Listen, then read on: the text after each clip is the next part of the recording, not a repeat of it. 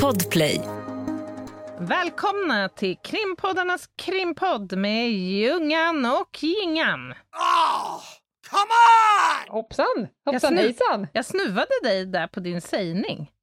Eh, och att podden heter Över min döda kropp tror jag vi blev snuvade på också. Om jag ska vara helt ärlig. Okej, välkomna till krimpodden Över min döda kropp med Ljungan och Jingan. Ja. Satt den nu? Nej. Det var inte krimpoddarnas krimpodd, utan det var bara en krimpodd idag. Ja.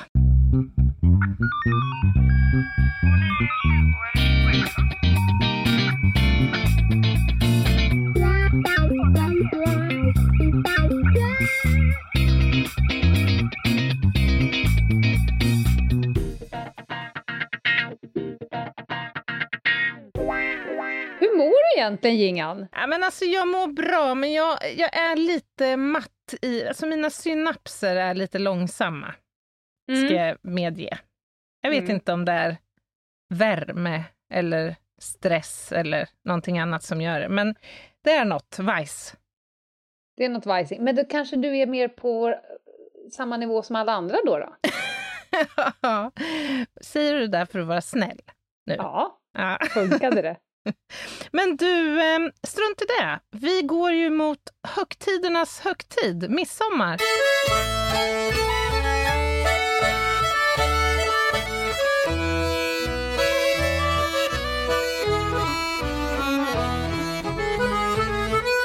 Eller? Mm, är det det?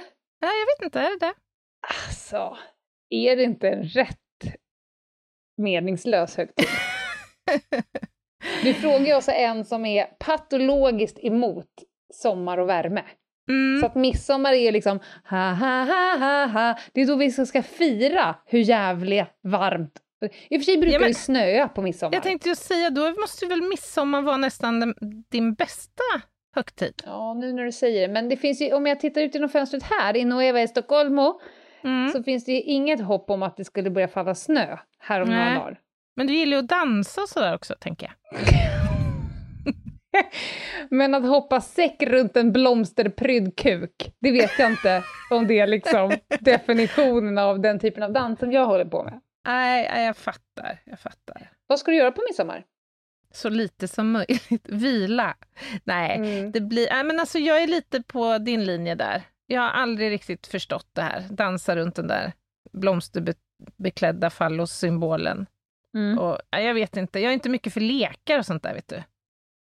Nej, Och jag gillar Nej, inte det sill heller, så att det blir lite... Vad är kvar? Ja, jag... Lägger du sju sorters blommor under kudden? Nej, det gör jag inte heller.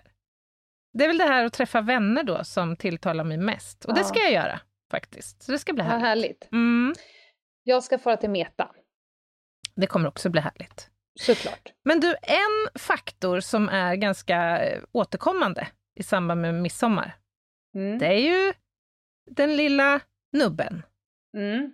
Hutten. Hutten. Dricker du nubbe? Alltså jag är inte så...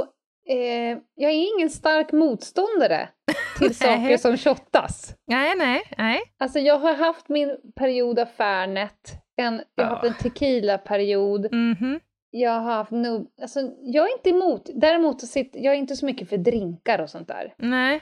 Men en, en nubbe kan jag nog häva i mig, men då pratar vi i singular. Mm. För Biter att, av? Kanske. Biter av? Nej. Nej, nej. Men du tar en och den, den får du klara dig på, så att säga. ja, sen står jag mig. Ja. ja, nej, jag är ingen stor fan av, av starksprit överhuvudtaget, Nej. faktiskt. Jag tycker det är ganska äckligt med nubbe, om jag ska vara ärlig. Vi ska ju ägna hela det här avsnittet åt alkoholen. Mhm. Vi kommer ta er igenom lite eh, kroppsligt vad som händer, alkohol. Vi kanske kommer släppa lös Ginghede i någon form av historisk exposé snart. Mm. Vi kommer prata lite om politiken, det kära Systembolaget. Det kommer bli lite tjofaderittan Lambo. Mm. Sen kommer jag behöva dra lite juridik. Mm-mm. Lite om vad som kan hända när man som polis möter på människor som har eh, inte spolat kröken. Just det. Och sen kommer vi oss på att titta lite på traditionerna kring midsommar ur ett rent eh, kriminalperspektiv. Mm, Så Mm. som vi eh, tog oss an jultomten. just det. Vi jul. kommer alltså penetrera midsommarfirandet Mm. in i minsta beståndsdel för att söka efter eh, brott att lagföra. Brottskoder, ja. Mm. Mm. Men som vanligt, Anna, vi oss med på en resa. ja, och den här gången, Lena, då kan du få slänga på dig din vad vad, vad, sarong. Vad hade, vad hade de på sig där några tusen år före Kristus, tror du? Det var väl egentligen bara ett par fårskinnstofflor och något litet bl- blöjdon. Jag älskar att du säger fårskinnstofflor. Ja, det också. tror jag att de hade. Man, man kan få uppfattningen om att, att det var något så att säga prefabricerat.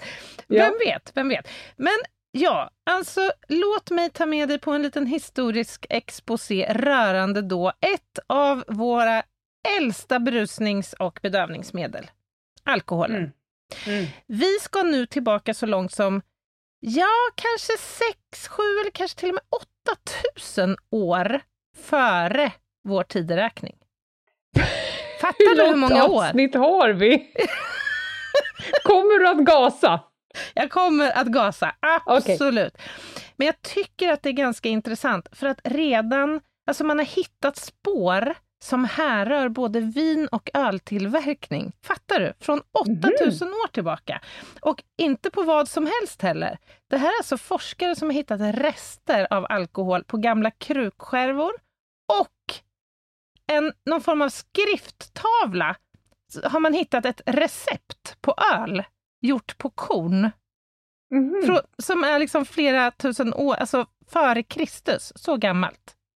Alltså, Jag såg framför mig en men- men- menytavla s- som såg ut som en sån här gammal rauk som stod, man kunde skönja, eh, vad heter den här, gröna hissen? Eller. Ragnar? Ragnar, Sex on the beach. Ja. Ja, ja, ja, ja. Ja, ja, nej, jag, jag tror att det var betydligt mer primitivt än så. Mm. Och först ut eh, sägs att både egyptierna var och kineserna. De var Mm. tidiga på det, så att säga. Och man pratar även om Mesopotamien, alltså Irak. Det som idag kallas för Irak. Men i Sverige då? Vi har ju varit igång ganska länge i Sverige också. Vi har tillverkat mjöd och öl och allt möjligt av säd och honung och potatis och allt möjligt. Och det har vi bevis för att vi har gjort sedan 300-talet före vår tideräkning. Men kanske Ja. ännu tidigare. På 1000-talet, alltså när vikingarna härjade runt, då dracks det mjöd. Det känner du till va? Det känner jag till. Mjöd. Smaka på ordet. Det låter inte så gott. Men jag har också fått lära mig, kan vara så att jag är förd bakom ljuset, men Aha. det här med att man eh, tittar på varandra när man ska skåla Mm. och sen dricker och sen Mm. så tittar man igen. Det Mm. har ju vi som någon form av artighetsgrej. Man tittar på bordsherren Ja, och det. damen. Men jag har lärt mig att det här vi pratar åt vikingahållet. Då var det för att man satt där och drack med sina fiender, så man hade koll på alla, drack snabbt och sen hade man koll på alla. Så man ska inte föra upp den framför ögonen, för då blir du ju stäbad, Kutt, någon som kuttar dig. Ah, Det är därför man bara liksom lyfter lite grann och så tittar man åt alla håll. Det är mer för att ska se om det är någon som ska skära dig till efterrätten. Lite vikingaetikett, så att säga. Ja! Fasen vad spännande. Men du, starkspriten då? Brännvinet kom till Sverige på 1400-talet. Och från början så drack man det inte, man använde det till krut. Eh, och under 1500-talet, då gav sig pestilensdoktorn ut med en plunta. Då försökte man bota pestsmittade med hjälp av brännvin och det funkar ju inte så där alldeles lysande, även om man kanske lättare kunde härda ut sin sjuka, så att säga. Mm. Och det här att, att man har använt alkohol som bedövningsmedel och läkemedel för ett antal åkommor eh, är väl allmänt känt, så att säga. Och det fanns ju en tid då man And faktiskt... still do, skulle man vilja Ja, säga. absolut, absolut. Mm. Och alkohol såldes ju då på apotek, förr i, förr i världen, så att säga. Men så på 1700-talet i Sverige så upptäckte man att wow, det här har man ju en berusande effekt av också. Det var liksom en liten bonus ut, utöver de här andra liksom, ändamålen. Och det här var ju inte superduper bra, för att det kulminerade. Folk började dricka som tusan. Och man, man eh, brände ju eget då brännvin från framförallt potatis. Och det här kulminerade som sagt och i, under 1800-talet så liksom kulminerade det så pass så att man fick ta till lite mer drastiska åtgärder. Och då drack svensken 100 liter brännvin per år, finns det uppgifter om. Så det här blev per ett stort... person? Ja, precis. Varje svensk. Jesus. Så det här blev ett folkhälsoproblem som orsakade både misär och sjukdom. Så då införde man under 1900-talet ganska kraftiga begränsningar för servering av alkohol. Och så kom ju då motboken som ransonerade inköp av vin och sprit. Men det hade en föga effekt, så motboken fick liksom leva kvar i över tre decennier och eh, plockades bort 1955, så avskaffade man den. Och det var då också Systembolaget infördes. Och här någonstans började, började man ju också starta ett gäng olika kampanjer. Det här var ju då politiska, vad ska man säga, program för att stävja nu alkoholbruket. Så att här rullar det ut en massa kampanjer, bland annat då Operation Vin. Och sen 1971, då var det dags för Spola kröken. Mm. Eh, så att Ja, det här är historien i stora drag. Eh, under 70 80-talet så kom ju lättvinet och vinkulturen blev allt större och det var ju här det också började etableras eh, vinprovarsällskap och liksom, nu blev ju vindrickandet något lite mer tjusigt och sofistikerat så att säga att ägna sig åt. Och vem minns inte Carl Jan Granqvist och Knut Christian Gröntoft och deras tidiga tv-program om vinprovning från 80-talet? Kommer du ihåg dem? Nej, men jag skulle bli väldigt förvånad om han har ändrat sig så mycket sedan dess. Nej, men jag tror att när det här liksom blev ett kulturellt fenomen, att prova vin, så ja. tror jag att det var lite, det, ansågs nog lite obskyrt, alltså. Lite konstigt. Vad heter han den här andra som har stått och klafsat barfota i något kärl med vin på typ Nyhetsmorgon? Fritiof! ja, fr ja, ja, Frithiofsson va? Eller vad heter Frithiofsson kanske han heter. Ja, jag tror han har det. ju aldrig blivit så osugen på vin som exakt just då. Nej, men han behöver ju bara tänka på ett artikelnummer från Systembolaget så ser man hur det liksom vattnas i hans... Han ja. kan knappt prata för han blir ja. så saliverad i, i sin munhåla. Mm. Men du, ska vi prata lite grann om vad alkohol faktiskt är för någonting? Ja. Och, och lite kroppsliga effekter. Det är ju en dryck som, som jäser med hjälp av socker. Och det finns olika, olika typer av eh, dryck, alkoholdrycker såklart. Men det finns gemensam faktor för dem och det är att de är psykoaktiva. Alltså de har förmåga att påverka vår hjärna genom att orsaka då ett berusningstillstånd. Mm. Och när man eh, håller olika utbildningar i olika droger, vissa är narkotikaklassade, då säger man att alkohol är centraldepressivt. Mm. Det vet man ju. Om man tittar på en människa som är full så ser man att hela den centrala kärnreaktorn i kroppen går jävligt långsamt. Mm. Och mm. det här kan nog eh, verka konstigt för många, för att många förknippar ju alkoholens effekter med att man blir så vansinnigt glad och uppåt. Och... Mm. Kan du förklara Men det? Men alla som har om, om du har kommit till en fest och av någon anledning är lite för sen påt, så att säga, eller du är för stadig i grossess mm. och du är den enda nyktra på festen, den personen upplever ju inte de andra som jävligt på. Utan man sitter där och tänker, är jag så där när jag är full? Alltså man mm. blir ju trög, ansiktet ser ut som man fått en stroke. Även om du själv ser så här, fan vad snygg jag är! Alltså det är ju, det är ju depressivt på väldigt många olika plan. Mm. Ja, men mm. där, och framförallt verkar det depressivt på centrala nervsystemet. Exakt. Men alkoholen då kallas ju för etylalkohol, det vill säga etanol. Det är en klar, färglös och lättantändlig vätska. Eh, och den framställs då ur säd eller potatis eller frukter och bär och sådär. Och mm. etanol, det känner vi igen eh, från andra sammanhang. Det kan ju också användas till exempel i sjukvården, men också som eh, bränsle för våra bussar bland annat. Ja. Och den här skiten häller vi i oss. Mm. Alltså, ja, men, jag kan säga det redan nu, för jag får ofta den frågan när man, när man föreläser om liksom, att man är emot droger och sådär. Då brukar det alltid sitta någon, någon smartass någonstans och säga ”men alkohol då?” Mm. Alkohol då, det gör folk dumma, det mm. är slagsmål, det är misär i hemmen och så vidare. Och så vidare. Mm. Det finns ju ingen människa som kan säga emot detta. Men då, comebacken är ju bara så här, skulle alkohol ha uppfunnits idag och mm. inte, vad sa du, 6000 år före Kristus? Mm, kanske till och med åtta. idag, mm. Nej, men det hade aldrig någonsin passerat nålsögat utan att blivit klassat på något sätt och vara under, under väldiga restriktioner. Det hade inte blivit godkänt då som det är nu, men det är liksom alldeles för implementerat i alla våra kulturella, eh, sociala sammanhang. Så det går ju inte att kriminalisera Nej. det nu. Nej men jag håller helt med Det här är ju egentligen ett gift. Det är en drog som får mm. oss att visserligen tillfälligt må ganska bra, men som också riskerar att medföra extremt svåra effekter. Både på mm. oss själva som personer och på våran eh, omgivning. Ska vi prata lite grann om vad som händer med kroppen? Om man yes. dricker mycket, lite eller måttligt. Du vet det här, ett, ett glas om dagen. Det, mm. det, det, här är rubriker som man ofta möter i kvällsblaskorna. Ja. Nu är det någon studie som har sett att ett glas om dagen förlänger ja. livet. Vad har Exakt. vi att säga om det? Eh, jag, jag, tycker att folk är väldigt snabba på att säga jajamän, ett glas rödvin om dagen gör att jag inte kommer få hjärt och kärlsjukdomar. Sen kommer ett annat rön som inte riktigt passar dem lika, som inte faller mm. lika bra på läpp. Då är det så här, nej, man vet ju aldrig. Men där, just de där rubrikerna brukar folk säga jajamän, det här, ja. det här är en bra forskning.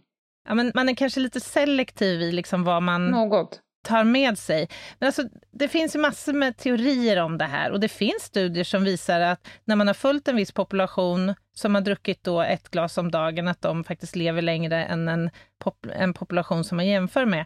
Men mm. tittar man lite närmre på hur man har lagt upp de här studierna så kan man också se att det finns ingen adekvat kausalitet.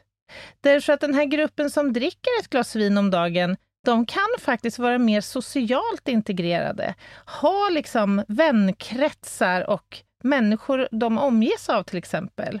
Vilket å ena sidan gör att de ses, men också kanske tar ett glas tillsammans. Så man kan ja. inte vara säker på om det faktiskt är alkoholen eller om det är tillgången på vänner och eh, liksom andra förankringar i tillvaron som faktiskt bidrar till att vi lever längre. Helt rätt. Och för er andra här som undrar var ni hamnade, så adekvat kausalitet betyder ett direkt orsakssamband mellan två olika fenomen. Tack Lena! Mm. Vill bara tolka ja, lite här. det är strålande. Mm. Men alkohol når ju alla våra organ när vi skärper i oss, i oss det här nu på, på midsommar och det påverkar faktiskt hela kroppen. Eh, WHO har tittat på det här, alltså Världshälsoorganisationen, de har tittat på vad man löper för risker rent kroppsligt när man dricker alkohol i lite äh, större mängder. När det gäller sjukdomar så dör mellan 5 och 7 000 svenskar av sjukdomar eller skador som är kopplade till alkohol. Och det här gäller även måttlighetsdrickare. Så även om man tycker att äh, ett eller ett par glas om dagen, det är väl inte skadligt eller farligt, så löper man ju en, en större risk helt klart att råka ut för både skada och sjukdom än människor som inte dricker.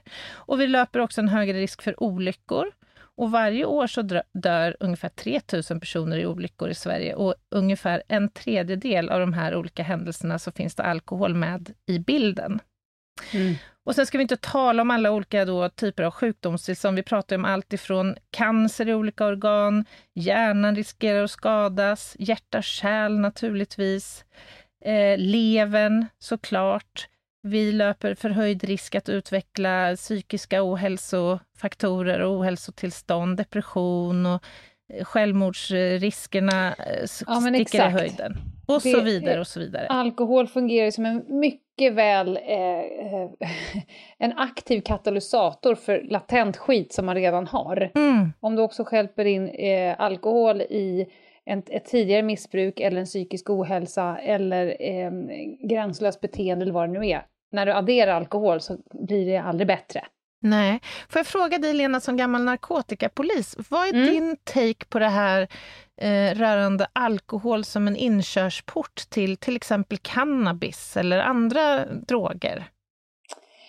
Utifrån din en erfarenhet. Ja, det är ju en 10 000 kronors fråga, men jag skulle säga så här, allting som är eh, eh, gränsöverskridande, Mm. det kan man ju se att de här ungarna som har stött på som röker väldigt tidigt, dricker väldigt tidigt.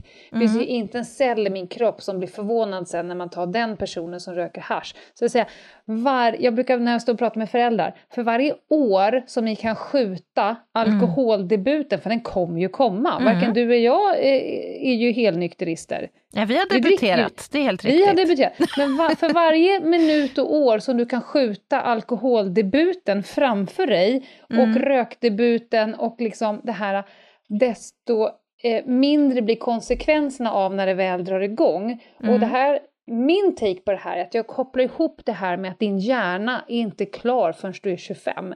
När du Mm. är 25, give or take, så har du en, en, ett välfungerande konsekvensanalytiskt tänk. Mm. Nej, det finns väldigt många vuxna som inte har det, men de allra flesta är Mm. liksom färdigpaketerade vid 25. Så om du där börjar ge dig på saker som faktiskt i sig är en risk, du tar ju en acceptabel Mm. risk i och med att du dricker alkohol, men börjar du tidigt med alla de här grejerna, då skjuter du ju ut alla det här systemet och då kommer din hjärna ändå inte utvecklas som den ska. Så att skjut det framför er. Var, sur, var häxan surtant hemma och bara pressa det här framför er, för det kommer att komma. Men, men senare lägg det så mycket som det är möjligt. Men jag tänker, alltså, det är väl ett välkänt faktum att ju tidigare eh, debut av liksom normbrytande beteenden, Ja. oavsett det handlar om tobaksrökning, skolkning eller alkoholdebut, desto högre risken för tidigare kriminella beteenden. Ja, ja, det finns ju visst. hundra förklaringar till det där, men jag Ja. tänker framför allt det jag tror att många ungdomar inte tänker på när de dricker alkohol tidigt, det är ju de risker de själva utsätter sig för genom det förlorade omdömet i Mm. Exakt. kombination med en omogen hjärna. Som kan Det är få inte alkoholen som kanske är den största boven, utan det är skiten du hamnar i. Exakt, och det kan ju Mm. få otroligt svåra konsekvenser på, på Mm. lång sikt. Men du, det här med bruk då och beroende och sådär. Ja, fan, alltså man har ju varit med i så, i så tragiska livsöden på alla nivåer. Mm. Eh, det är ju en sate, det är ju en sjukdom. Mm. eh, som sätter klorna och folk har ju fan gamblat bort hus och hem och barn och, och bilar och fruar och, och män och partners och så vidare Mm. för den här sjukdomen. Så det är ingenting att leka med. Men vad säger du då? Genetik eller miljö? Ärver man ett alkoholberoende? Jag är oftast en, en person som svarar en kombination av de båda. Mm. Och livet. Mm. Mm. Livet också. Alltså det, det här med, jag skulle aldrig vara en sån som hamnar som en sån här klassisk eh, parkbänkshäng. Mm. Säg aldrig den meningen, för det vet du inte. Nej, fy fasen. Livsödet. Jag jobbade en kort stund med hemlösa i Stockholm och gjorde Mm. gaddar till dem. Och avhjälpte så akut smärtproblematik. Alltså Mm. Jag träffade så många människor som alldeles nyligen, flera stycken, hade etablerade tillvaros och jobb och allt det där. Men som hamnade i livskriser, många Mm. av dem. Och sen det ena gav det andra. Och helt En jävligt plötsligt... pissig händelsekedja Ja, räcker ja, nästan. men faktiskt. Och har du då dessutom en genetisk Mm. eh, liksom plump i det Mm. protokollet så att du lättare, ja men då är det kört. Om jag förstår det hela rätt så pekar alkoholforskningen mer och mer åt det hållet numera. Mm. Att genetiken spelar allt större roll och kanske den största rollen Mm. faktiskt. Så finns det där i din genuppsättning så kan du till och med födas med en liksom förhöjd tolerans. Mm. Det vill säga att du blir inte berusad på samma mängder när du debuterar som 13-åring eller hur gammal du nu är, som dina vänner. Det är ganska ledsamt. Men någonting som är lite uppmuntrande är väl i alla fall att man hör de här alkoholrapporterna som kommer ut. Mm, Att våra unga dricker mindre och mindre. mm. Vad tänker du när du hör det? Så min spontana tanke är ju, jag blir ju nyfiken på varför, alltså hur kan man förklara det här? Har det ersatts av någonting annat, Mm. till exempel? Vad tror du? Ja, det tror jag. Mm. Alltså om man jämför med när vi, när vi gick i skolan. Om Mm. någon skulle fråga dig så här, vet du någon som knarkar i din skola? Då skulle du ha svårt att pointa Ja, ut någon. verkligen. Möjligtvis så, här, ja men den där, han går ju lite konstiga kläder eller något. Mm. Och än mindre om jag skulle fråga Anna Jinghede när hon var 14, om du skulle behöva få tag på knark nu, vart skulle du ta vägen? Då skulle du kanske stå och se ut som en fågelholk. Ja, definitivt. Jag åker till Storstockholm, skulle jag säga. ja. Och samma sak för mig, men Mm. om man frågar våra ungdomar nu, Mm. vet du någon som använt droger? Mm. Det vet de alla. Och Ah. hur får man tag på det? Det vet de alla. Så jag Alltså. tror tyvärr att svaret på att varför unga dricker mindre och mindre, jag tror en stor del av svaret är att de har ersatt det med någonting annat. Det är kan- min farhåga. Ja, men kan det också vara så att vi lever i ett så här, eh, vad ska man kalla det, hälsoera, en ekoera, alltså det, det är väldigt mycket fokus på fitness och välmående och allt det. Så kan det också vara så att en större del avstår från allt vad, vad handlar om drog, droger? Kanske, Att man- jag hoppas. Att man varken debuterar i alkohol eller någonting annat. Att, det, att de är lite klokare än vad vi var. Ja, alltså mer upplysta För kring effekterna eller att man inte vill förstöra sina kroppar eller vad vet jag.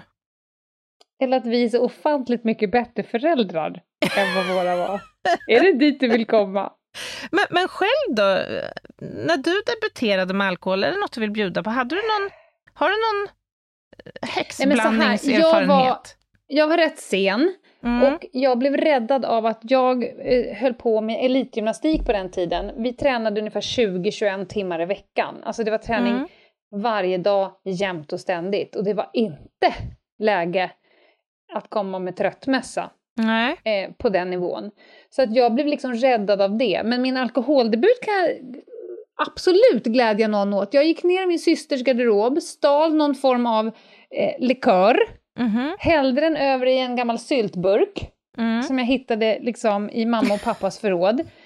Ut i, i skogen, var vi nu var någonstans. Mm. Och så skulle jag dricka det, jag tyckte det var svinäckligt, jag drack ju inte en klunk. Nej. Och sen på morgonen när jag och min kompis Loppan satt och käkade frukost, då kom min pappa och så ställde han eh, en syltburk mellan våra filskålar med en grön vätska i. Så sa väldigt märkligt att jag hittade vår syltburk med bananlikör i mitt ute i skogen. Då har han ju uppenbarligen typ spanat på oss på kvällen för att hitta den där. Ja, så jag har alltså lyckats stjäla bananlikör, pisangambon. Oh. Det är därför jag inte ville dricka den. Så Nej, det var min förstår. alkoholdebut. Jag har Ja. doppat tungan i, all, i bananlikör. Mm, mm, jag förstår. Ja. Själv då? Nej, men jag har också några. Jag var ju också idrottade ju mycket, men tyvärr så bröt jag med min idrott där av olika anledningar. Jag hade lite halv, ja men turbulent ska vi väl kalla det. Ja, men det har du Ti- sagt. Tidig ungdomstid. Mm. Så jag bröt med min idrott och det gjorde ju att jag, jag blev ju normbrytande. Ja. Och jag debuterade med alkohol ganska tidigt. Jag tror jag var 13 när jag gjorde det. Och det var en Mm. Jävlar. riktig... Ja. Och då var det ju häxblandningar som gällde. Ja, Det just var ju det. allsköns olika Mm. mm. Shampoo, alkoholsorter. kaffesump och Ungefär Explorer. Ja. Fruktansvärt vidrigt. Jag har ett tips för övrigt jag kan skicka med föräldrar nu som vill ha koll på sina buteljer hemma. Det är att, jag tror att många föräldrar de kollar på nivåerna på alkoholmängden i flaskorna. Men, ja, det är en newbie. Ja, men knepet är att vända på flaskan och göra en markering upp och ner på flaskan. Mhm. Är du med? Jag är med. Fiffigt! Fiffigt va? Dagens tips.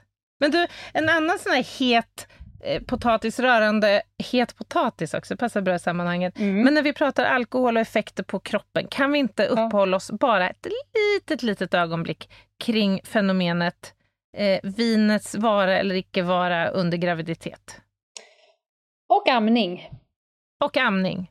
Nu tror jag att ganska många har skruvat upp hörapparaterna där ute och bara vad ska de säga? Mm. För det här är ju som att kasta in ett eldklot i eh, eh, frigolitverkstad. Ja, det kan man känna säga. mina bättre metaforer. Mm. Det finns ju verkligen två läger här, men jag har bara kikat lite här vad eh, vad samhället säger. Och återigen har man kommit fram till att det går inte att slå fast vilken mängd alkohol man kan dricka under graviditeten och fortfarande vara säker att det här inte påverkar fostret på något sätt. Mm. Och därför är riktlinjerna fortfarande, för att vara helt säker, drick inte under mm. graviditeten. Mm. Sen när det kommer till amning, då har man notchat upp det lite så säger man så här, ett till två glas vin ett till två gånger i veckan skulle du nu kunna skälpa i dig. Och tro mig, mina vänner, det gör mm. folk. Instagram ja, ja. fullständigt drunknar i mm. bilder mm. på nyförlösta morsor som sitter och unnar sig. Men det här säger ju så mycket på något sätt om vår tid. Ja. Hur viktigt det där glaset bubbel är för oss. Men får jag prata ur egen... Eh, ja.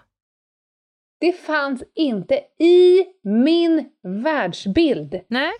att skälpa i mig. Och det här är ju rent personligt. Ja. Varken när jag var gravid eller amning. Jag såg min kropp som ett fucking tempel och mm. moderskepp mm. som inte överhuvudtaget tillhörde mig, utan Nej. det är till för barnet. Ah. Så om jag inte kan låta bli vinglaset i ett par månader till, det gick inte. Om jag skulle ta ett vinglas mot min mun, det skulle mm. kännas ungefär som att, inte vet jag, bada i arsenik samtidigt som jag ammar. Jag håller med dig här. Jag var precis likadan. Och jag vet inte hur det många typ gånger... Det vändes i magen när jag ja. kände lukten av vin. Men det blev så jävla märkligt också. Man gick på ja. kalas och någon sa så här, men du kan ta, det är helt okej att ta ett eller två glas. Säg mm. vem då? Liksom. Lite kan du skära i bebisens fot, ja, bara lite! Ja, det, Hade, är så... det, är samma sak, till mig var det så. Ja, men alltså, det blir så helt surrealistiskt. Alltså, ja, men nu är i alla fall riktlinjerna från MVC, så säger de ordagrant att du kan ta ett till två glas vin en till två gånger per vecka om du ammar. Ja, men det, det är, det är vad man får med sig. Ja, men det är som att säga så här, ja men du kan hoppa fallskärm. Det är bara en var tionde år som dör av det. Älskar liknelsen, Ja, Anna. men vad fasen, det är så dumt. Varför skulle man vilja utsätta sig för någon onödig risk? Det är ju faktiskt en onödig risk. Jag måste ju inte dricka alkohol under varken Nej. havandeskapet eller min amningsperiod. Nej. Om man är så abstinent så att man måste surpla i sig den här drickan precis just de månaderna, då skulle jag, och nu sticker jag ut näbben igen, jag är medveten om det, jag skulle höja upp varningens finger för mm. kan du inte riktigt låta bli, även mm. om du vet att det finns en potentiell risk att det här eventuellt, mm. möjligtvis, skulle skada din avkomma. Känns ju bara ofräscht. Ja. Vi går vidare. Jag tror att vi behöver gå på paus, Anna. Ja, det är dags. Ett poddtips från Podplay. I podden Något Kaiko garanterar östgötarna Brutti och jag, Davva, dig en stor dos skratt. Där följer jag pladask för köttätandet igen. Man är lite som en jävla vampyr. Man har fått lite blodsmak och då måste man ha mer. Udda spaningar, fängslande anekdoter och en och annan arg rant. Jag måste ha mitt kaffe på morgonen för annars är jag ingen trevlig människa. Då är du ingen trevlig människa, punkt. Något kajko, hör du på podplay. Därför är gardinerna. Välkomna tillbaka. Ni lyssnar på krimpoddarnas krimpodd Över min döda kropp och det är avsnitt 141. Och på tal om den siffran, låt mig ge er en till siffra. En eh, Nordens ledande oberoende aktör inom så här analys och utvärdering och så vidare, Ramboll. Mm. De har kikat på vad alkoholen kostar det svenska samhället årligen. Oh, vill man veta Smaka? de här siffrorna? Nej. 103 miljarder kronor kostar alkoholen svenska samhället. Lite bara fördelning för att ni ska förstå. 15 miljarder går till vård och behandling, alltså sjuksyrrorna som man har behövt eh, anställa bara för det här och all sjukomsorg och eh, friskvård och alla behandlingar och sådär. 15 mm. miljarder.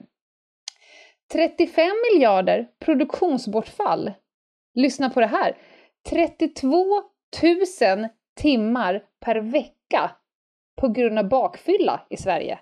Va? Alltså det Va? 32 000 arbetstimmar går bort varje vecka i Sverige på Men grund vänta, av att vänta, folk vänta. är bakfulla. Ringer folk till sin arbetsgivare och säger jag kan inte komma idag för jag är Nej, bakfull. men Det är klart att de inte säger det, men om de får svara ärligt i en enkät, och säger typ så här, Åh, min katt åt upp mitt passeringskort. Ja, oh, shit. Ja. 10 miljarder brottslighet.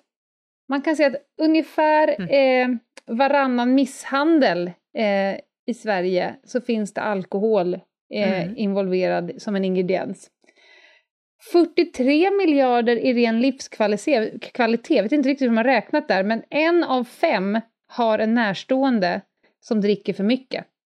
Ja men alltså, vet du Lena att bara i Sverige så växer kanske 300 000 barn upp i en familj där minst en förälder dricker för mycket. 300 000 barn. Ja, det är ju så fruktansvärt deppigt. Eh, och det tar oss in lite grann på alkoholpolitiken. Eh, mm. Eh, du berättade ju där din exposé, Systembolaget kom in, de har ensamrätt, de är ej vinstdrivande, de eh, är skyldiga, från regeringen, de skall ha information om skadeverkningar, de skall jobba för folkhälsa, de skall minska eh, liksom, misären som kommer av det. Mm. Eh, de ska jobba för minskad konsumtion och det är därför de inte gör reklam och så vidare. Där, mm. Och de har också massa projekt, IQ, Vita veckan, olika typer av folkhälsokampanjer som hela tiden kommer för att man mm. inte ska köpa ut till sina tonåringar och så vidare. Det är det som Systembolaget driver. Det är mm. alkoholpolitiken i Sverige. Men det är ju så oerhört kulturellt betingat. Vi har pratat om mm. midsommar. Mm. Jul var det viktigaste, ja det är det som står på bordet, eh, snapsen. Eh, påsken ska det groggas, det, mm. grogg, det är champagne på nyårsafton och på studentfesten så ska det vara bål. Alltså det är bara ongoing. Det mm. började ju redan... Du kan ju tjofaderittan Lambo. Alltså det är en av de viktigaste ja. grejerna. När du slutar studenten så skall du i princip ha en rödvinsring mm. på ovansidan av din tjusiga hatt. Mm. Mm. Ta nu glaset till din, din mun. Tjofaderittan Lambo. Ja men alltså, alltså ja. Men, vi vaggas in i det. Ja men alltså, absolut. Sen tror jag att svenskarna skiljer sig lite grann i vårt kulturella alkoholbeteende från mm. liksom, stora delar av kontinenten till exempel. Jag tror att vårt drickande har ju varit, eller är, koncentrerat till helger och högtider, medan man i andra delar av världen, stora delar av världen, dricker lite liksom i veckorna och blaskar mm. runt med någon jag vet när jag var i England och gjorde ett sånt där internship för ett mm. antal år sedan på, på en kirurgisk mottagning. Nej men det kunde man gå ut på lunchen och ta sig en liten... Tuta lite? Tuta en öl till, till lunchmackan och sådär. Men det är också kulturellt betingat, för vi håller ihop det. Alltså svensk kulturellt betingade egenskaper. Visa för fan inga känslor. Om du blir arg, knyt handen i fickan. Gå ut på Facebook och starta någon jävla passivt aggressiv skitgrupp, rädda pepparkaksdräkten eller något annat idiotiskt. ja. Det är liksom vårt sätt att hålla ihop det, hålla ihop det, vara lagom. Mm. Och sen kommer det små, små, små eh, sprickor i detta. Mm. Och då går vi ju fucking bananas. Alltså, mm. Alltså titta på åtta snubbar i, på Arlanda som står och hinkar i sig öl och jäger mm. 07.20 på väg till Ayia Napa. Men alltså alkoholkonsumtionen... Nödslakt, ja, för fan! Och alkoholkonsumtionen stiger ju under sommarmånaderna när det är sommarsemester. Det är som att svensken släpper alla liksom hämningar. Det är som mm. att det mm. finns inte en morgondag, det finns inga regler att förhålla sig till. Plötsligt så ska man leva ut. Ja, ja, ja. Fullt Vad säljs då... som mest vid sportevenemang? Öl. Ja. ja men det, det ska in alkohol i alla rum. Men är det unikt för, för, för svenskarna då? Att det är så kulturellt betingat? Ja, men just det här att det blir så koncentrerat till liksom helgerna och eventen. Och... Men jag tror att det blir en större grej för oss om man liksom tänker när man är, säg i södra Frankrike eller Italien. Mm. Då tar man ett glas vin till salladen vid lunch. Mm. Alltså det blir, de pytsar mer. Mm. Det blir mer en avslappnad inställning till det.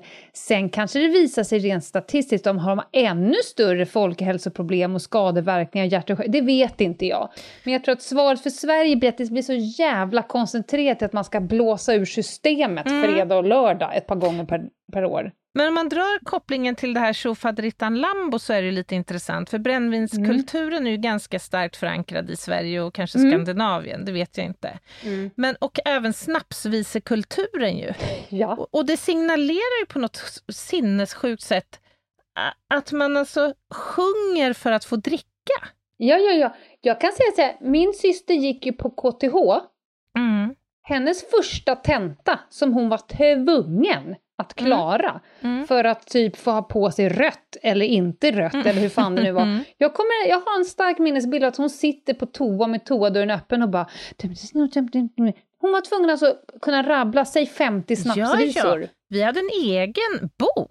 Sn- men alltså medicinska eller odontologiska föreningen. Ja, ja, det Mm. där är så otroligt starkt studentikost förankrat. Nu kan alla svennar gå och tatuera Shofadrittan Lambo i svanken bara. Men du, det här medför ju också en del samhälleliga problem och inte minst så innebär det en massa att göra för polisen. Ja. Alkohol är ju en aspekt eh, som man alltid får räkna med. Jag kommer ihåg när vi var poli på Polishögskolan, det spelar ingen roll om man hade hatbrottskursen, brott i nära, narkotikakursen, trafikmålskurs, alltså vad man än hade för kurs, Mm. så låg alkoholen lite som en, ett Ja, just det. skimmer. Som en faktor, liksom. Som en faktor som man var tvungen att tänka på. Och rent krasst, det är inte alltid det blir värre. Ibland har man ju varit på case som är- blir så jävla roliga.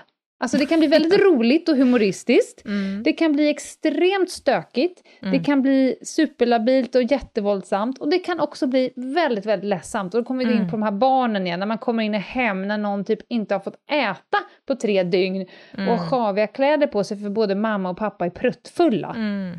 Alltså det är fy ju bara fan. en aspekt att hela tiden ha med sig. Mm. Tyvärr. Verkligen.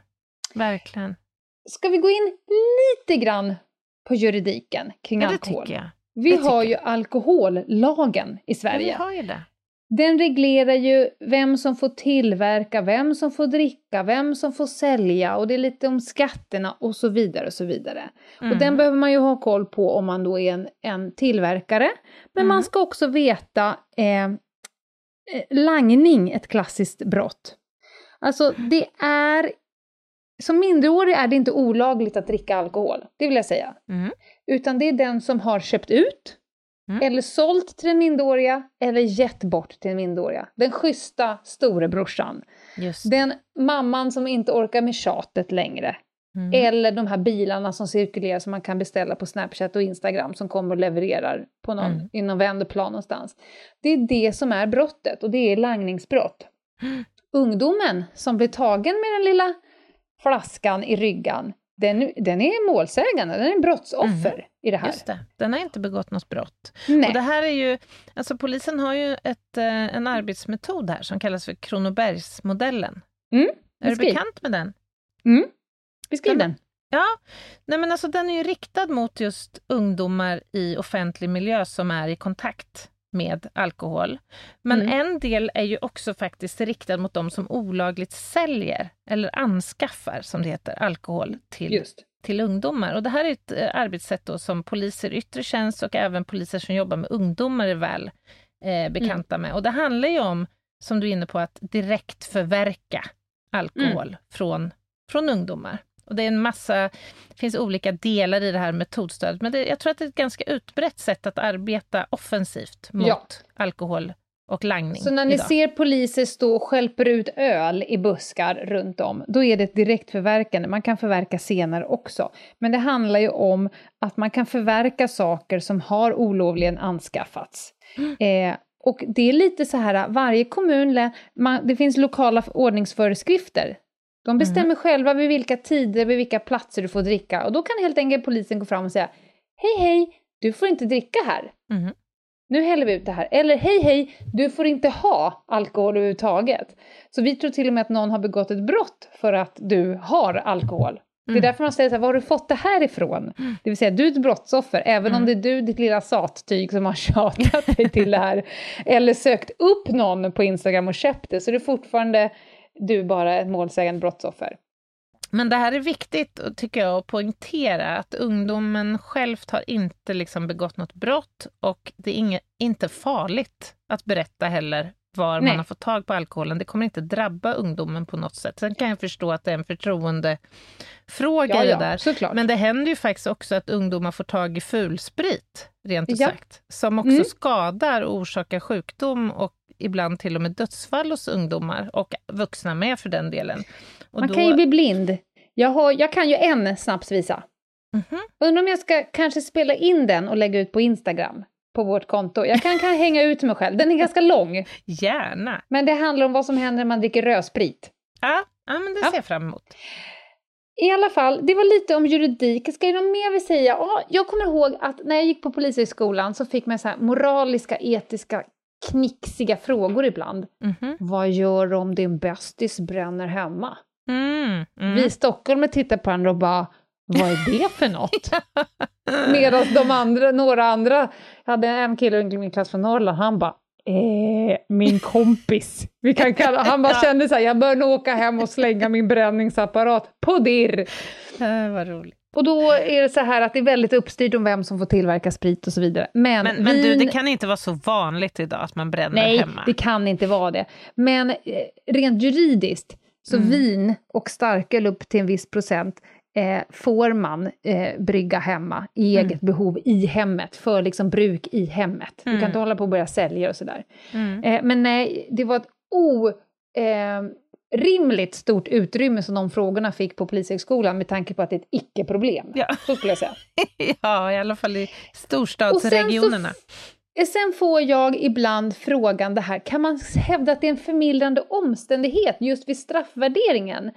Alltså jag var Mm, full och dum, jag var inte med i mina sinnesfulla bruk, eh, sådär. Just Så. det. Och då vill jag bara vara tydlig. Är det förmildrande att vara full? Nej. Enligt brottsbalken 1.2, det spelar ingen roll eh, eh, huruvida eh, uppsåtsfrågan, alltså huruvida det är ett brott eller inte, det förmildras inte på något sätt bara för att du är full. Det är fortfarande ett brott. Mm, mm. Och sen får man då bläddra sig fram hela vägen till 29 kapitlet där man kollar på straff och påföljder. Eh, och då säger man så här att ett självförvållat rus eller ett eget vållande tillfälle, så att du tillfälligt är från dina sinnes fulla bruk, Mm. är inte, det finns inte med. Alltså det, det är inte en förmildrande omständighet att vara full. Det finns en, en lång lista över vad som skulle kunna vara Mm. förmildrande omständighet vid straffvärdering. Rus är inte ett av dem. Så du kan aldrig någonsin hävda att jag var full och därmed är det inte ett brott eller därmed ska jag inte dömas för det brottet. Den enda gången det eventuellt skulle funka det är om någon annan Har har hällt i dig. Mm. Då skulle uppsåtet kunna falla om det inte är du som har sett till att du inte vet vad du gör. Mm. Och det försöker folk med ibland, men det funkar inte. Det var det om juridiken, men det sker ju en, rätt mycket skit när det kommer till alkohol och eh, brott. Vad är liksom de Ja. vanligaste brotten som alkohol ligger som en katalysator kring? Ja, det är naturligtvis våldsbrotten. Ja, för att du blir dum i huvudet. Ja, Mm. faktiskt.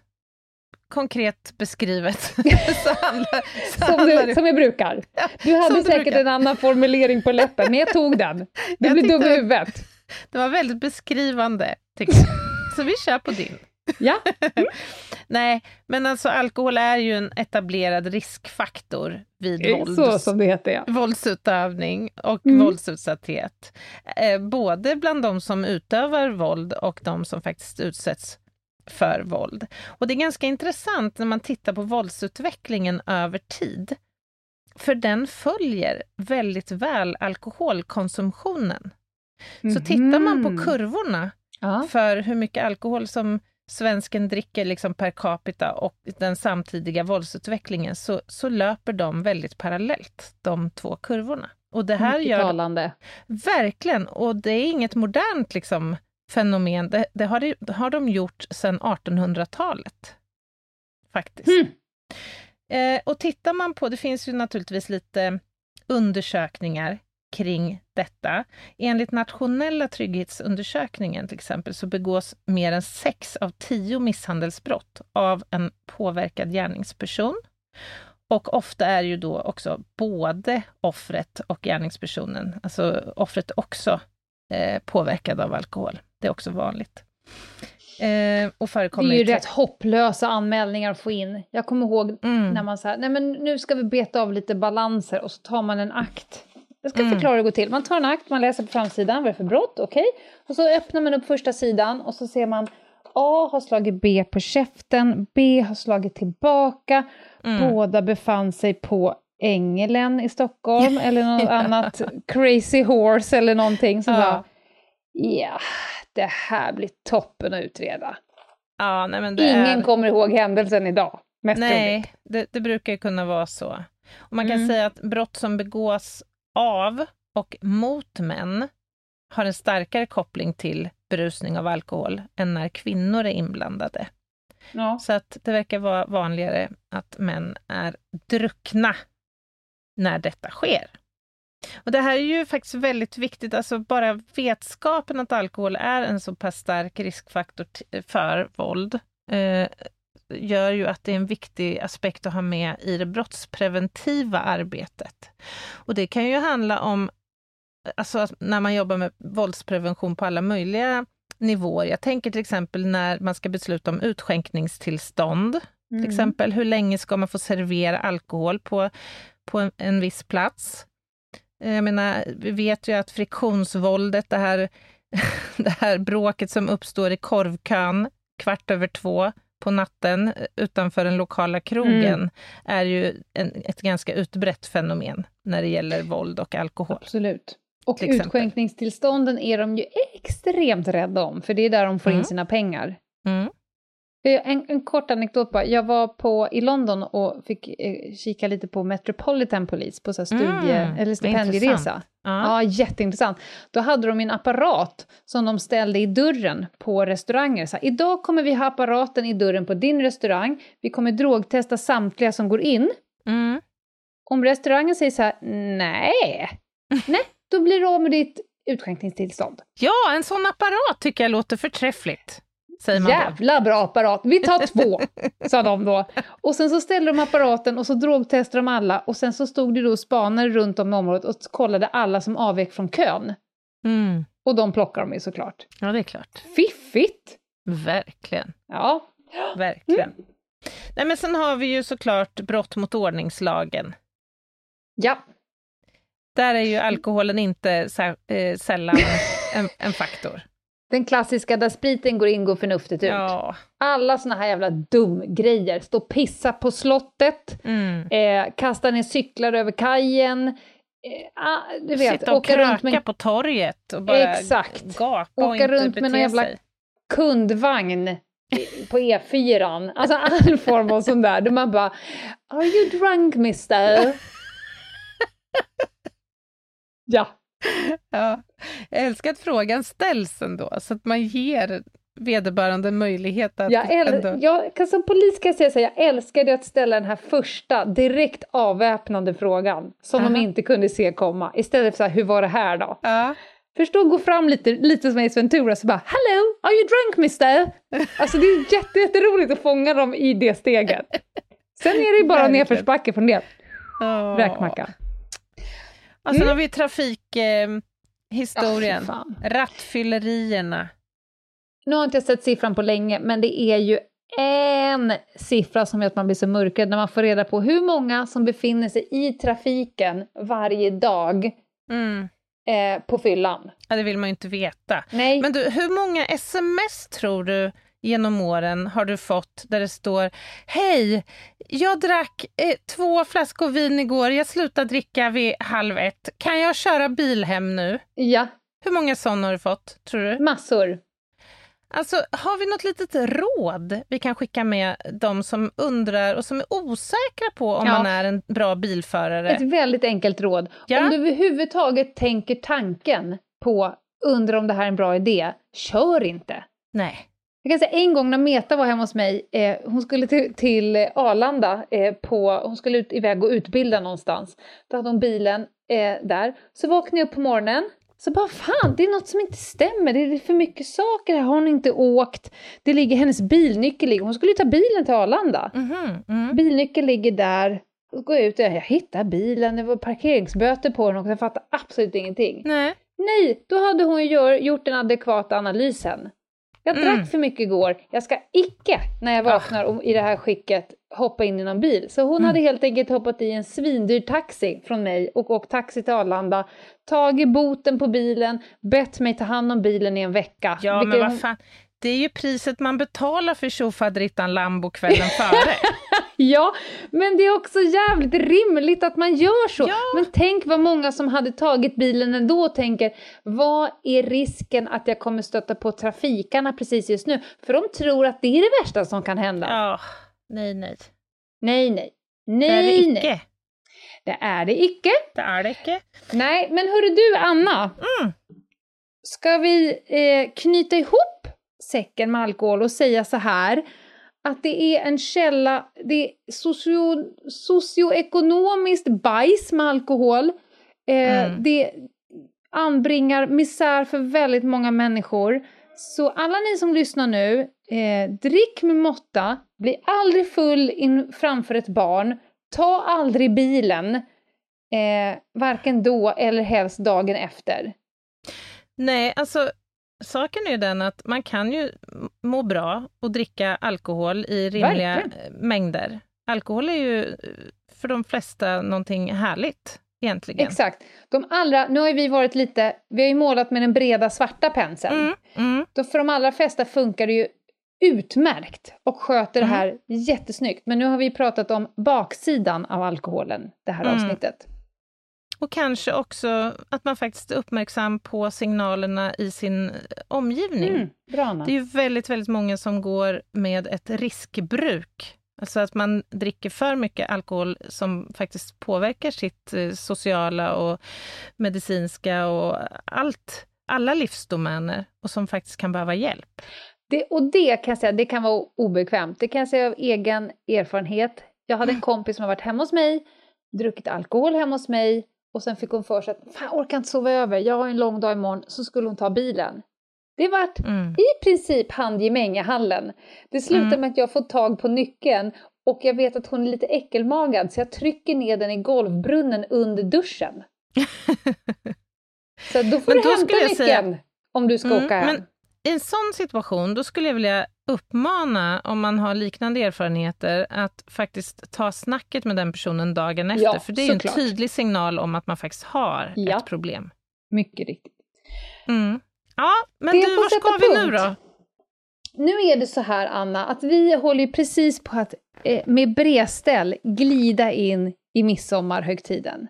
Ja, Och om man tar den ljuvliga. den ljuvliga, vi kommer att klä oss i ljusrosa, krispiga klänningar med. Skir. Ja, skir. Skirklänning med spets. Ja, det kommer, jag kommer jobba puffärm. Jag kommer jobba krans i hår. Mitt hår skola svalla i vinden. Ja, ja, ja. Jag kommer plocka fram min gamla eh, deodorant från Jane Helen. Tvätta mig i Timotej. Och Ah. bada i fenjal. Nu kommer jag inte på någon fler. Jo, låt oss bara kika på dumheterna som vi eh, idioter här i det här landet sysslar med med midsommar. Ja. Och så försöker vi kika på, skulle det inte faktiskt kunna vara så att man under den här midsommarhelgen behöver sätta pappret i maskin och göra lite polisanmälningar? Här kan det beivras. Som tusan. Brott bör beivras. Ja. Vi kan börja med sju sorters blommor under kudden. Ja, det där är ett satans otyg. För det första blir det ganska kladdigt under kudden. Ja, ja det, blir det är pollen. Det är pollen. Jag är pollen. Sen så att du ska drömma om den du ska gifta dig med. Jag orkar inte ens gå dit. Det, jag orkar inte ens gå dit. Det får bli en rövhatt. Ja, men det är ju inte straffbart att drömma. Men Nej. däremot kan det ju vara straffbart att plocka de där blommorna, måste det ju Du vara. ska ju jävla ha koll på ditt artskydd när Ja, du går ja, ut ja. i skog och mark och fipplar upp. För att om du drömmer om din, liksom, den du ska gifta dig med, men ligger där som a thug, Exakt. smooth criminal, är det den vägen du ska vandra? Ja. ja, för vad är det för brott artskyddsbrott Ja. eller? Ja, ja. Du får ha en liten fauna med. det? En parlör.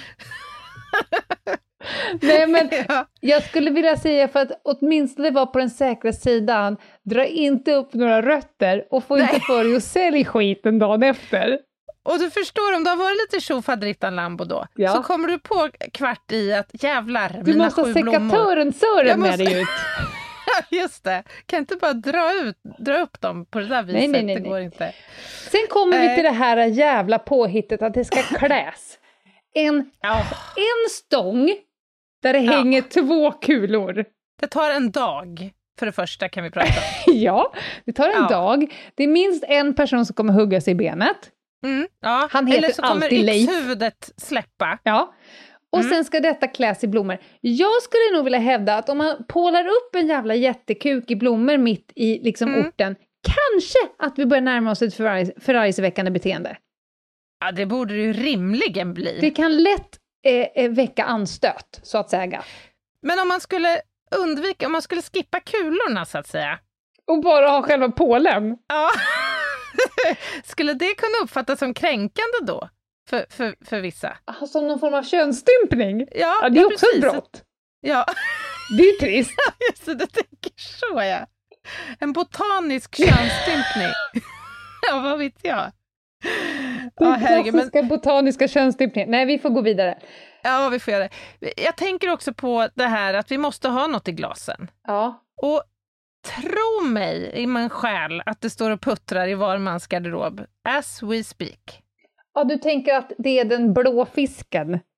Ja, ja det är diskmaskin. De ska in sen i, i en Ja. andra, så att säga, Ja. eh, cykel. Men du, du pratar att man tillverkar sprit eh, utöver husbehovsbruket. Alltså, Ja, det tänker ja, jag. ja, för hembränneri. Det, ja, ja, det Absolut. nubbas på. Det är nej på det. Sen, sen gick jag till historien.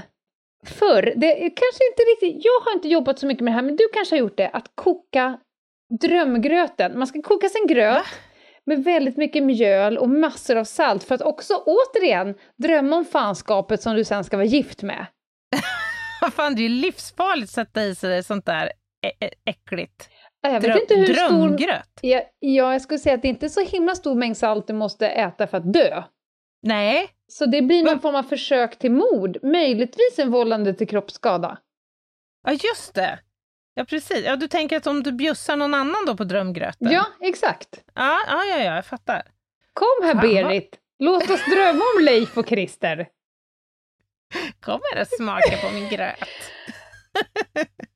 Och när vi ändå Men var du- inne på den här klädda Mm. stången, jag skulle vilja Mm. säga så här att kanske att man ger sig på de lokala eh, föreskrifterna. Du kanske behöver eh, söka tillstånd för själva danseriet. Om vi, om vi tar små Mm. grodorna, Ja, just det. skära, Är- skära havre. Ja, ja just det. Är, är det att betrakta som en allmän sammankomst detta? Jag tror det. Mm. Och om, eh, jag tror också att vilotiderna är åsidosatta. På måndagen tvättar vi. På tisdagen skrubbar vi. På onsdagen, det är bara kyrkan på söndag. Jag tror att man Ja. åsidosätter vilotiderna här om man jobbar alla dagar i veckan. Ja, nej men det går ju inte. Det är inte rimligt. Nej. Alltså tillstånd kräfas. Kräfas ja. kräfas. Och jag tänkte också, jag, jag tyckte vi rasslade förbi eh, fallosen där lite, Mhm. lite snabbt. När, när de här blomstren till fallosen ska inhämtas, Ja.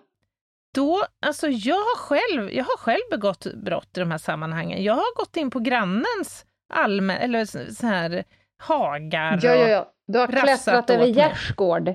ja, det har jag gjort. Olaga Det intrång. har jag gjort. Ja, det, jag tänker det. Att jag kanske har gjort skyldig. Ja, ja, det kan det säkert bli. Absolut. Mm. Ska vi, ta, då? ska vi ta och bara nämna Näcken? Lite snabbt. Det är ju ett fanskap som då sitter naken, Den jäveln. Vem kom ens på idén med oklart. att det skulle sitta en naken fiolspelande blekfis på en sten?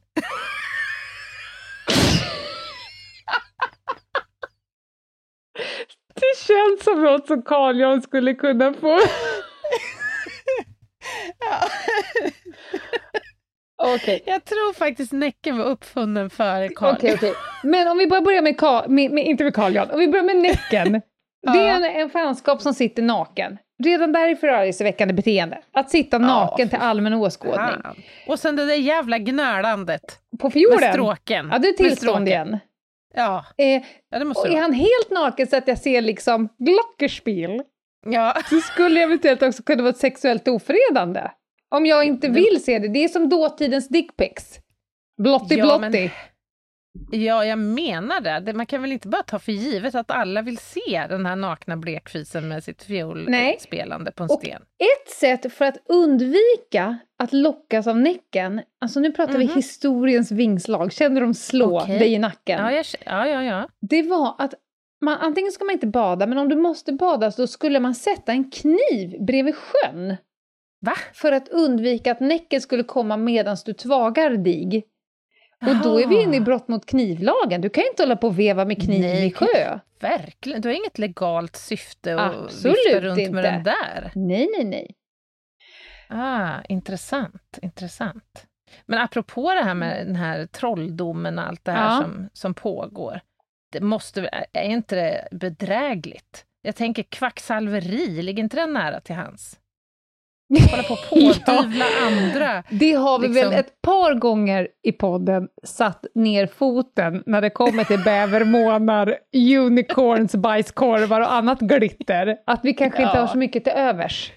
Nej, men är- kan vi, vågar vi säga i podden en gång för alla att det här ni håller på med är straffbart? Det är straffbart ja! Ja, Ja, det tycker jag. ja. Vi sätter pappret i maskin. Så fort Ja. du börjar klinka med dina jävla kristaller där borta, då kan du höra. Nej, nu, nu sätter vi ner. Då får det vara knock. Jag frågade i Meta lite lätt så här. Du, har du något på midsommar och kriminalitet? Ja, just det. Döm om min förvåning när jag fick en lagtext tillbaka. Aha. Ofredande. Brottsbalken, fjärde kapitel, sjunde paragrafen. Jag läser. Den Ja. som handgripligen antastar eller medel skottlossning, stenkastning, oljud eller annat hänsynslöst beteende eljest ofredar annan döms ofredande. Och sen har jag gjort några punkter som skrivit alla jävlar trubadurer som spelar Strömstedt. Alltså det är ju När vi någonting gräver med... guld i Ja, USA. Eller Cornelis, alltså det finns ju någonting med så här, pojke med gitarr vid en Mm. eld. De Mm. förväntar sig att alla jävlar är skitintresserade av de första sex takterna i Metallicas Nothing Else Matters, More Than. Words med Extreme, vad är det Ja. mer de brukar spela? Eh, Ja, det brukar ju vara um, Alice. Who the här, fuck is eh, Alice? Who the fuck is Alice? Och sen ja. så avslutar de skiten med hönen, hönan Agda och de kan bara de sex första ackorden i varje låt och så kör de vet- dem på repet. Ja, Knockin' on Heaven's Door brukar Ja, jag också ja, få ja. kvala in där. Och så han Eric Clapton med barnet som dog. ja. Men du, eh, på tal om förargelseväckande beteende, har du eh, ägnat dig åt eh, att rulla runt i, i daggen?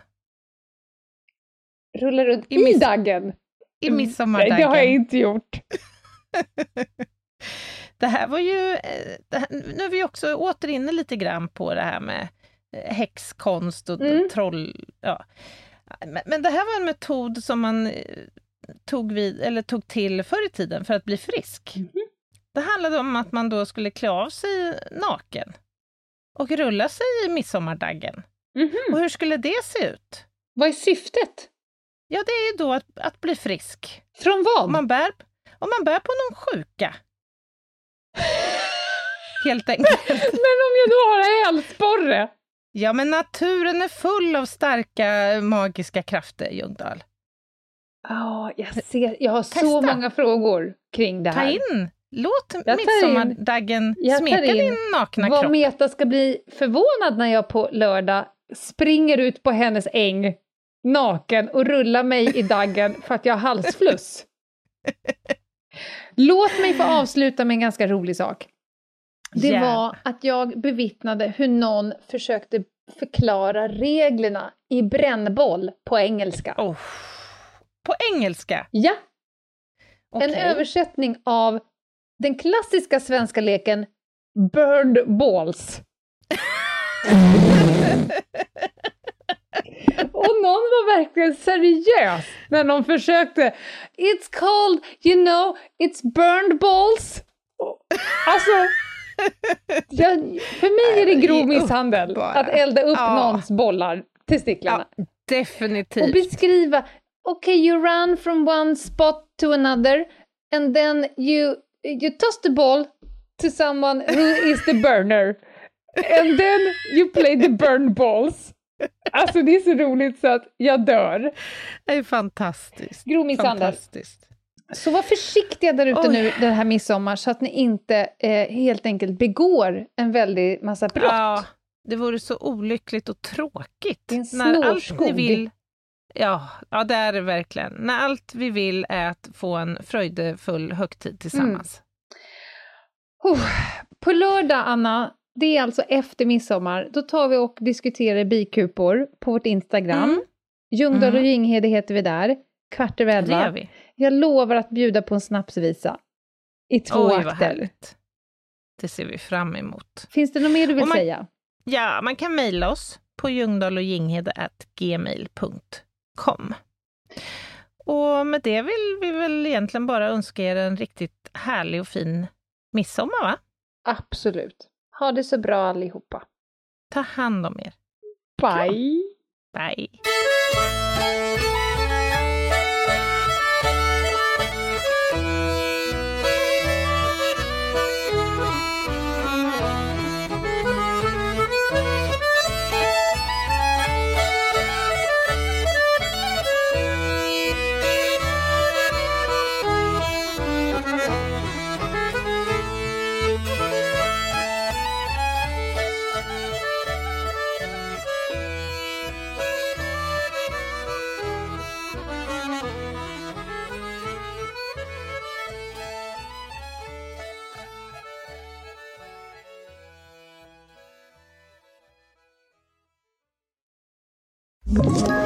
Ett poddtips från Podplay. I podden Något Kaiko garanterar östgötarna Brutti och jag, Davva, dig en stor dos skratt. Där följer jag pladask för köttätandet igen. Man är lite som en jävla vampyr. Man har fått lite blodsmak och då måste man ha mer. Udda spaningar, fängslande anekdoter och en och annan arg rant. Jag måste ha mitt kaffe på morgonen för annars är jag ingen trevlig människa. Då är du ingen trevlig människa, punkt. Något Kaiko, hör du på Podplay. Därför är gardinerna.